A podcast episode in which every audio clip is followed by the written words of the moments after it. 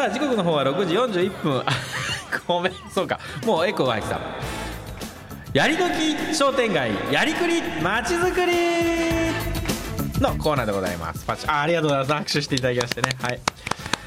えー、ということで時刻の方は6時40分を回りまして、えー、羊年の羊逆さ意見のやりくり商店あ違うやりどき商店街やりくりまちづくりのコーナーでございます、ここからのコーナーは、えー、羊年の羊私がですね、ええ。商店街活性化とかまちづくりに活かせるネタを小ネタを紹介していこうというコーナーでございます。これからとっても大切なことですね。ね、そうなんです。先週は商店街にはイベントで人を集めましょうとはい。いうお話の中で、えーどんなイベントをねやっていくのがあーこう必要かというか。でイベントには大きく、まあ、その商店街全体を PR できるようなイベントと、はい。から商店街の個店さんを支援するイベントがありますよということで。二通りね。はい、い。ろいろとご案内をしました。さてこのイベントでございますけど、えー今までの商店街さんはうん。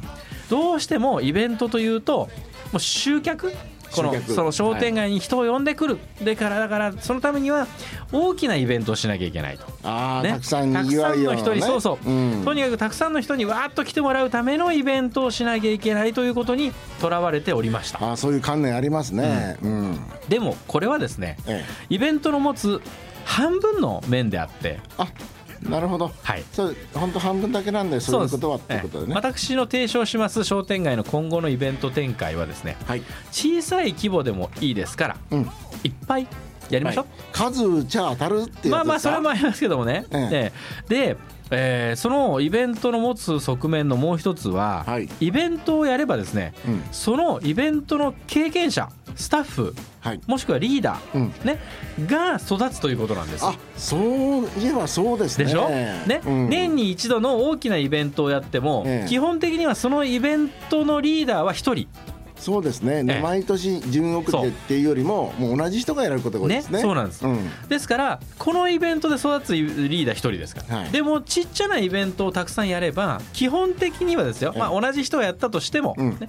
そのイベントそのイベントごとのリーダーが新しく生まれてくる可能性は多いわけです。あそうですね、はい。あえてリーダーを別々にしたりもするんでしょうね。うん。そうなると最終的にその町の人的な資産になるのはどちらが強いですかということなんですよ。あこれは後者が大きいですね、はい。でそうなんです、うん。で、えーまあ、そういう観点からですね、えーふまあ、この 2, 二方向のイベントに大体しこうそれぞれ商店街さんのうん。方針も分かれてくると思うんですが、はい。えーそれを若干整理してですね、えーいきますと一つその集客のためにやる大規模で、まあ、でもね年に1回ぐらいしかできませんよというイベント、はい。これもね、えー、と全く完全に否定するわけではありません。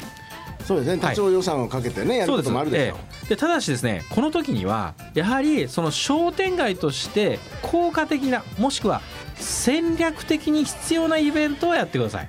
つまり難しいな。はい。いやいやそうなんですよね。この商店街ってどこ向いていくんですか、もしくははい。どんな特徴がありますか？と。ね。その特徴に、えー合致してないイベントをうん。ただやってもですね、うん。うん。これ無駄なだけなんです。お金も費用あお金もそのあの労力もね、はい。ね。はい、ただどうしてもほらあーこれだけのやなんか予算が、うん。えー取れましたと。い。だから、わけわかんないけど、うん。人が来るための、えーコンサートやればいいやと、ね、自分たちの街は例えば、えーい医療品店が多くて、うん。ね、とか今年配の方が多くなりましたっていうのに、若い人のコンサートばっかりを、ねうん。しかもお金かけて、うん。えー呼び屋さんと言われるイベント会社にバーンってお金払ってやってもらって、そうそうそうそう、それは全く商店街のイメージにもこれから目指すものにも合致しないわけですね。なるほど、それをやっても仕方がない。リーダーも育たない、はい。ね。ね、ただし 助成金などは取りやすいです。この方法は。あ分かりやすいんだね、ううん。んこういうことをやりますよ。そうなんです、ん。でしかも、えーその細かい準備とかをね、はい、えー商店街の人自身がしなくていいじゃないですか。うん、日常のね、ええ業務にあんまりそうそうそうそう、ええということなのでですねそこは考えどころなんですけども助成金などを狙ってその大きな集客のできるイベントをやるとき、うん。でもやっぱりじゃあテーマはどうするんですか、ね、とかそれに合わせて、うん。じゃあたくさんの人に来てもらう仕掛けは外部の、えー呼び屋さんに頼みましたと。はい。その代わりですよそこでやんなきゃいけないのは、ね、お金を用意してやってもらうだけじゃなくてその時に来たお客さんをどうやって商店街の各個店さんに結びつけるのかとか。あその後ろの仕組みをね。そうそう。それを商店街の人がちゃんとやればですね、うん。これは一つ意味のあるイベントになるんです。あ大型のイベントの反則につながりますからね。そう、うん。そこをつなげるようなことをのその商店街として本来やらなきゃいけないことをやらなかったら単にですねこれどんなに人を呼んでも、うんその組合員さんからだってあなたただの打ち上げ花火じゃかっていうふうに言われるわけです。ね。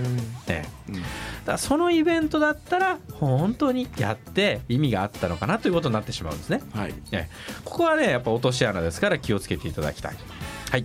もう一つ 小さい方をねじゃあいっぱいやりましょうよっていうのを私も提唱しておりますけどもこれはやはりですねそのイベントそのイベントをいろいろやっていくときにリーダーがどんどん誕生していくと。はい。いうことは、街の中を盛り上げてくれるリーダーがたくさんいるというのはやっぱりその商店街にとっての資産になるわけですね。人的な資産になります。その経験がねやっええぱものを言う時もありますよね。そうです。で、えーそれぞれのイベントの成功が読みやすいというね小さくやれば、確かに。えー例えば、えー、とこの今度のイベントを例えばやりますと、ね。そしたらもう例えばさ呼んでこれる人の数は、うん。えー、と待てよ。シェリシこのメンバー10人で、うん。えー実行委員会組むから、うん。1人が5人呼んでくれば50人のなんかイベントになるねというはいはい読み方ってできるでしょ、もう知り合いをねそうなんです。に声かけて、ええ。そしたらうん例えば50人から2000円ずつの参加費をもらうようなイベントだったら、はい。はい、10万円のイベント組みましょうとええ。いうふうにできるわけです。計算が立ちますね。そうなんです、うん。ええ。そしたら失敗しにくいんですよ。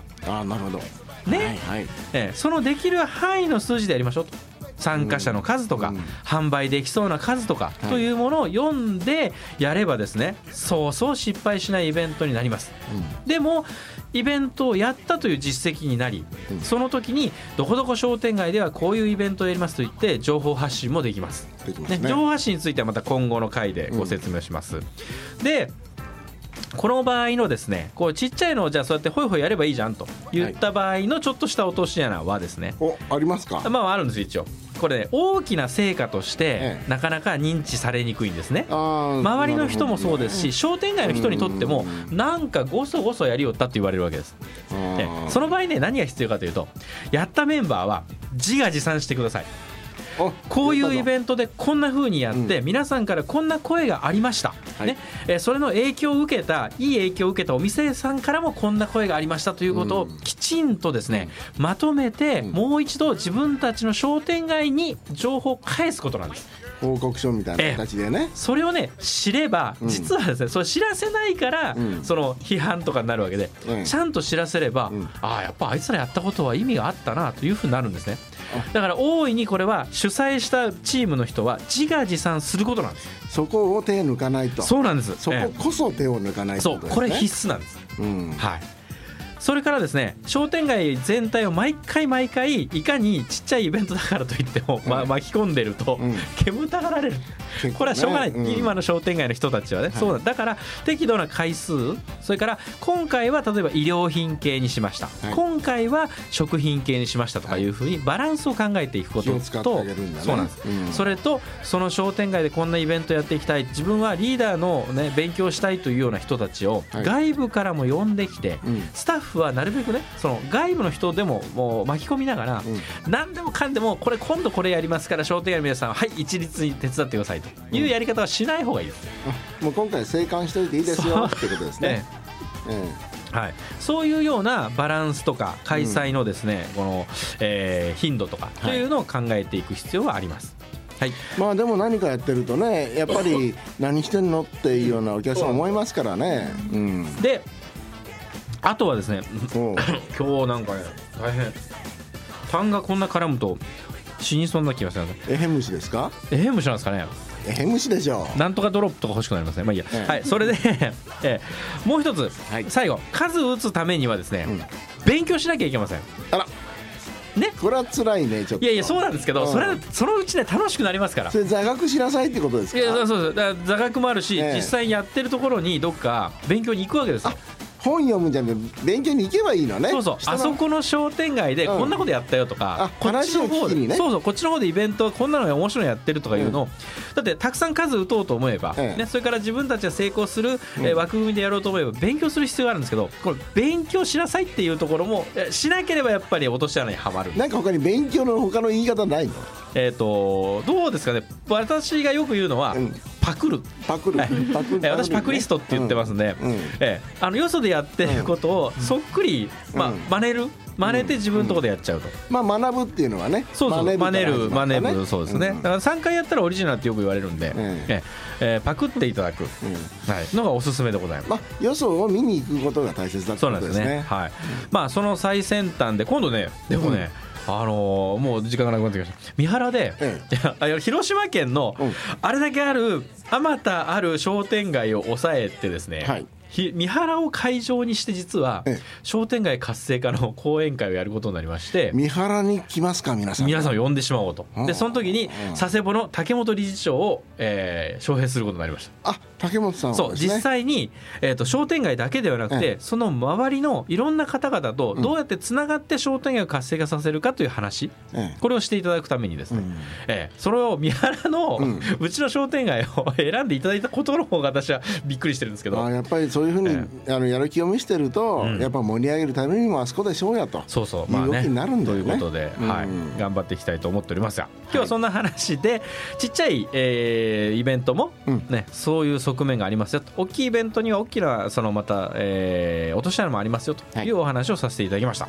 はい。はい、えー次回はですね今度はあのーマスコミのこれは秋武さんにもお手伝いいただくかもしれませんけど、はい。ね、情報発信しましょうよと、うん。はい、いろんな方法で情報発信しないと意味がないですよというお話をさせていただこうと思っております。はい。はい、えーというわけでございまして商店街のおやりくり商店街ややりやりどき商店街やりくりまちづくり。今日は単が絡みながらのコーナーでございました。